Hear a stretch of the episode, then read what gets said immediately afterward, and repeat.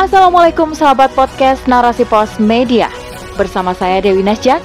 Kali ini dalam rubrik opini dengan judul Karut Marut Sistem Pendidikan Kapitalis. Mahasiswa rentan jadi korban. Oleh Dr. Andas Lailatus Sa'diah. Polemik berkepanjangan antara Rektor ITB dan dosen SBM ITB tak kunjung menemukan titik terang. Kasus terus bergulir hingga mahasiswa menjadi korban. Tempat pertanggal 8 Maret 2022, mahasiswa Sekolah Bisnis Manajemen Institut Teknologi Bandung atau SBM ITB diminta belajar mandiri. Tidak ada luring maupun daring. Namun pada tanggal 15 Maret 2022, kegiatan belajar mengajar sudah mulai berjalan normal kembali. Sontak, hal ini memunculkan rasa khawatir akan kualitas mutu pendidikan SBM ITB ke depannya. Berdasarkan hasil audit BPKRI pada 31 Desember 2018, pengelolaan keuangan SBM ITB tidak sesuai dengan statuta ITB yaitu PP 65 garing 2013. Ke depannya, BPKRI merekomendasikan ada dua hal utama yang harus dibenahi secara internal ITB. Pertama, berkaitan dengan integrasi sistem manajemen, yakni pengelolaan keuangan yang terintegrasi. Kedua, berkaitan dengan pengembangan Human Capital Management atau HCM. Evaluasi BPKRI berujung pada dikeluarkannya Peraturan Rektor Nomor 1165 Tahun 2021 tentang standar biaya, Peraturan Rektor Nomor 1162 Tahun 2021 tentang pencabutan swakelola dan Peraturan Rektor Nomor 25620 Tahun 2021 tentang tata kelola. Dengan adanya aturan baru ini, Secara otomatis SK Rektor ITB nomor 203 tahun 2003 sudah tidak berlaku lagi. Namun sayangnya, menurut Forum Dosen SBM ITB, pencabutan SK tersebut oleh Rektor ITB, Reini Wirahadi Kusuma, tanpa adanya pemberitahuan dan kesepakatan pihak-pihak yang berkepentingan. Hal ini menimbulkan kekecewaan bagi segenap pimpinan Sivitas Akademika SBM ITB tercatat pada tanggal 2 Maret 2022. Jajaran Dekanat SBM ITB yang dipimpin oleh Dekan SBM ITB Utomo Sarjono Putro, Wakil Dekan Bidang Akademik Aurik Gustomo, dan Wakil Dekan Bidang Sumber Daya Reza Anasution sempat mengajukan surat pengunduran diri kepada Rektor. Pencabutan pondasi berdirinya SBM ITB dinilai telah melumpuhkan kemandirian serta eksistensi SBM ITB yang telah berjalan 18 tahun. Faktanya, berasaskan SK tersebut telah mengantarkan SBM ITB menjadi kampus tingkat dunia dan telah berhasil memperoleh akreditasi Association to Advanced Collegiate Schools of Business atau AACSB. AACSB adalah salah satu akreditasi sekolah bisnis tertua yang berbasis Amerika Serikat. Adanya konflik antara rektor ITB dan pimpinan Sivitas Akademika SBM ITB cenderung merugikan mahasiswa. Karenanya, proses belajar mengajar sempat dihentikan mulai tanggal 8 Maret 2022 karena aksi mogok mengajar dosen SBM. Sebelum kemudian diaktifkan kembali pada tanggal 15 Maret 2022 setelah ada negosiasi antara Rektor ITB dan pimpinan SBM ITB pada tanggal 14 Maret 2022. Terang, Kasus ini memberikan dampak psikologis kepada mahasiswa dan orang tua atau wali mahasiswa. Kekhawatiran mulai muncul akan menurunnya mutu pendidikan yang akan didapatkan pasca bergulirnya perkara ini. Pada kesempatan yang sama, Rektor ITB menyampaikan permohonan maaf yang sebesar-besarnya atas kegaduhan ini. Reini berjanji segera memulihkan kondisi sivitas akademika sebagaimana semestinya. Menurut Ali Nurdin, juru bicara Forum Orang Tua Mahasiswa, menyampaikan konflik SBM dengan Rektorat ITB merupakan persoalan internal. Sebagai orang tua, Nurdin tertuju pada pendidikan anak-anaknya sebagai mahasiswa S1 di SBM ITB tidak terganggu. Forum orang tua mahasiswa menuntut penyusunan aturan baru maksimal berlangsung hingga akhir Mei. Selama proses penyusunan dan negosiasi berlangsung, akan berlaku status quo dengan mengacu pada pemberlakuan aturan lama, yaitu sebelum diterbitkannya peraturan rektor 1162 garing 2021.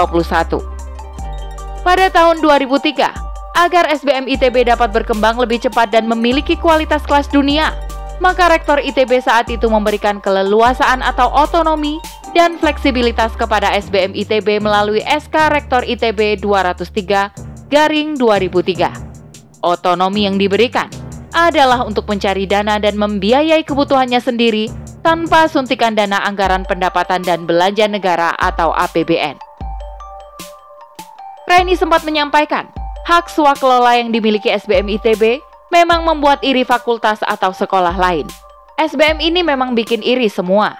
Katanya gajinya besar, tetapi tentunya SBM juga melakukan upaya-upaya yang setimpal dengan take home pay yang mereka dapatkan. Ujarnya. Faktanya, awal pendirian SBM, 80% pendapatan dikelola secara mandiri oleh SBM. Sisanya, 20% diserahkan kepada IPB. Kemudian, ada pergantian rektor yang menjadikan hanya 70% pendapatan yang dikelola oleh SBM. Mulai Reni menjabat sebagai rektor, SBM hanya berhak mengelola 60% dari pendapatannya. Terakhir atas dicabutnya SK, semua pendapatan SBM dikelola oleh ITB. Menurut pimpinan SBM, adanya integrasi pengelolaan dana menjadikan SBM sulit untuk menjamin kualitas pendidikan sebagaimana sebelumnya. Benarkah? kualitas pendidikan menjadi alasan satu-satunya? Pada kesempatan lain, Forum Orang Tua Mahasiswa meminta penjelasan kepada Dekanat SBM. Dalam pertemuan langsung di gedung kampus SBM ITB, mereka mendengar isu lain dari yang mulanya anggaran yang kurang sehingga akan berdampak pada kegiatan perkuliahan bergeser kepada isu honor dosen. Anak Ali Nurdin sendiri tercatat sebagai mahasiswa S1 program kelas internasional angkatan 2021. Biaya kuliahnya sebesar 120 juta per tahun yang wajib dibayarkan lunas sebelum perkuliahan dimulai. Sungguh, harga yang sangat fantastis. Mahalnya biaya pendidikan dalam sistem kapitalisme adalah suatu keniscayaan. Hal ini tidak bisa dilepaskan karena Indonesia harus tunduk pada perjanjian internasional WTO. Perjanjian yang diratifikasi oleh GATS menempatkan pendidikan sebagai salah satu sektor jasa yang secara bertahap harus diliberalisasi. Akibatnya, biaya pendidikan akan semakin mahal dan hanya bisa dijangkau oleh orang-orang yang memiliki uang. Pihak kampus didorong untuk aktif mencari sumber pendapatan selain dari BOPTN atau Bantuan Operasional Perguruan Tinggi Negeri. BOPTN adalah bantuan dari pemerintah untuk operasional kampus yang bersumber dari APBN. Adanya arus liberalisasi pada sektor pendidikan mengokohkan posisi negara hanya sebagai regulator, bukan sebagai penanggung jawab penuh atas terlaksananya pendidikan untuk generasi. Realitasnya, jika sivitas kampus didorong untuk mendapatkan pendapatan selain dari BOPTN, maka mau tidak mau mereka harus membagi fokus. Di satu sisi, harus menuntaskan pendidikan untuk mahasiswanya, di sisi lain, harus mengoptimalkan potensi pendapatan melalui badan usaha milik kampus, uang pangkal dan UKT mahasiswa, hibah, kerjasama dengan perusahaan swasta, dan sebagainya. Dan yang pasti, ada timbal balik yang harus dibayar untuk itu semua. Inilah potret pendidikan dalam sistem kapitalisme. Tenaga pendidikan diberi beban lebih, sehingga berpotensi tidak optimalnya proses belajar mengajar minimnya penghargaan atau gaji tenaga pendidik oleh pemerintah mendorong mereka untuk mencari pemasukan lain untuk memenuhi kebutuhan hidupnya. Sedangkan dari sisi mahasiswa, di mana mereka sudah dibebani membayar uang kuliah dengan mahal, maka tidak ayal orientasi mengenyam pendidikan bukan hanya sekedar mencari ilmu, namun bagaimana nantinya mereka bisa mendapatkan pekerjaan yang layak dengan gaji tinggi. Jadilah mereka para mahasiswa yang sekedar study oriented yang acap kali apatis dan apolitis dengan kondisi yang ada. Sejatinya, otonomi kampus atau fakultas hanyalah kedok bagi rezim penganut kapitalisme untuk berlepas tangan sebagai penanggung jawab penyelenggara pendidikan. Bius manis menjadi kampus mandiri dan independen terus diembuskan. Apresiasi palsu terus digaungkan agar kampus lupa akan fungsi negara yang sesungguhnya. Yang lebih penting lagi, sistem pendidikan dalam kapitalisme tidak akan mampu melahirkan intelektual-intelektual berkualitas yang ikhlas memberikan kontribusinya kepada umat.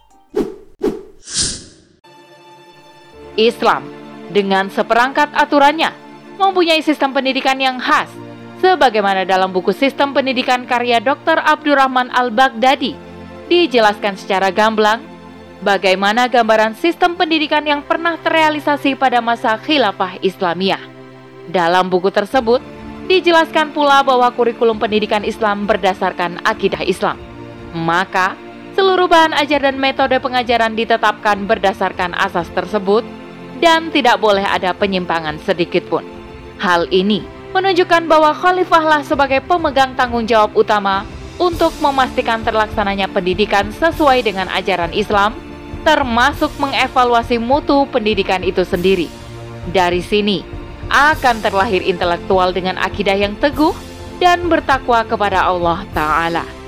Orientasi penyelenggaraan pendidikan tinggi adalah untuk melahirkan intelektual yang nantinya ilmu yang didapatkan mampu memberikan solusi terhadap permasalahan yang ada di tengah-tengah masyarakat. Khilafah sebagai penyelenggara pendidikan akan memfasilitasi apa pun yang dibutuhkan sistem pendidikan demi mewujudkan kemaslahatan umat.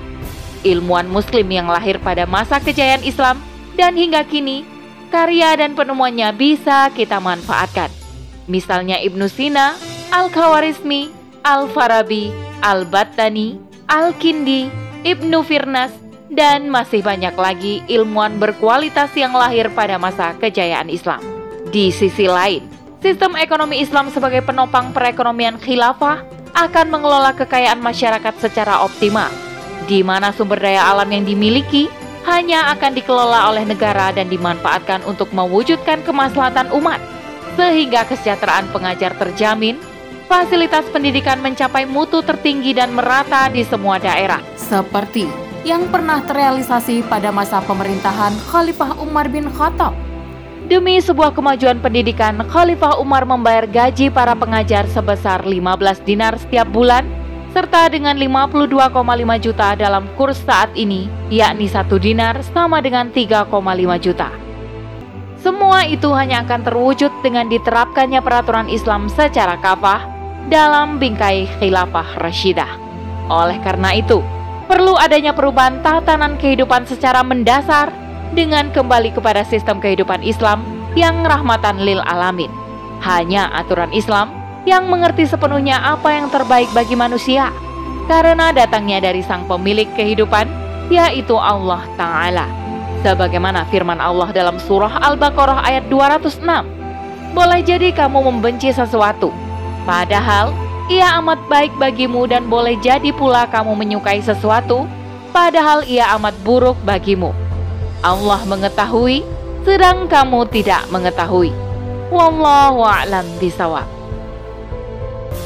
Demikian rubrik opini kali ini. Sampai bertemu dalam rubrik opini selanjutnya. Saya Dewi Nasyak undur diri. Assalamualaikum warahmatullahi wabarakatuh.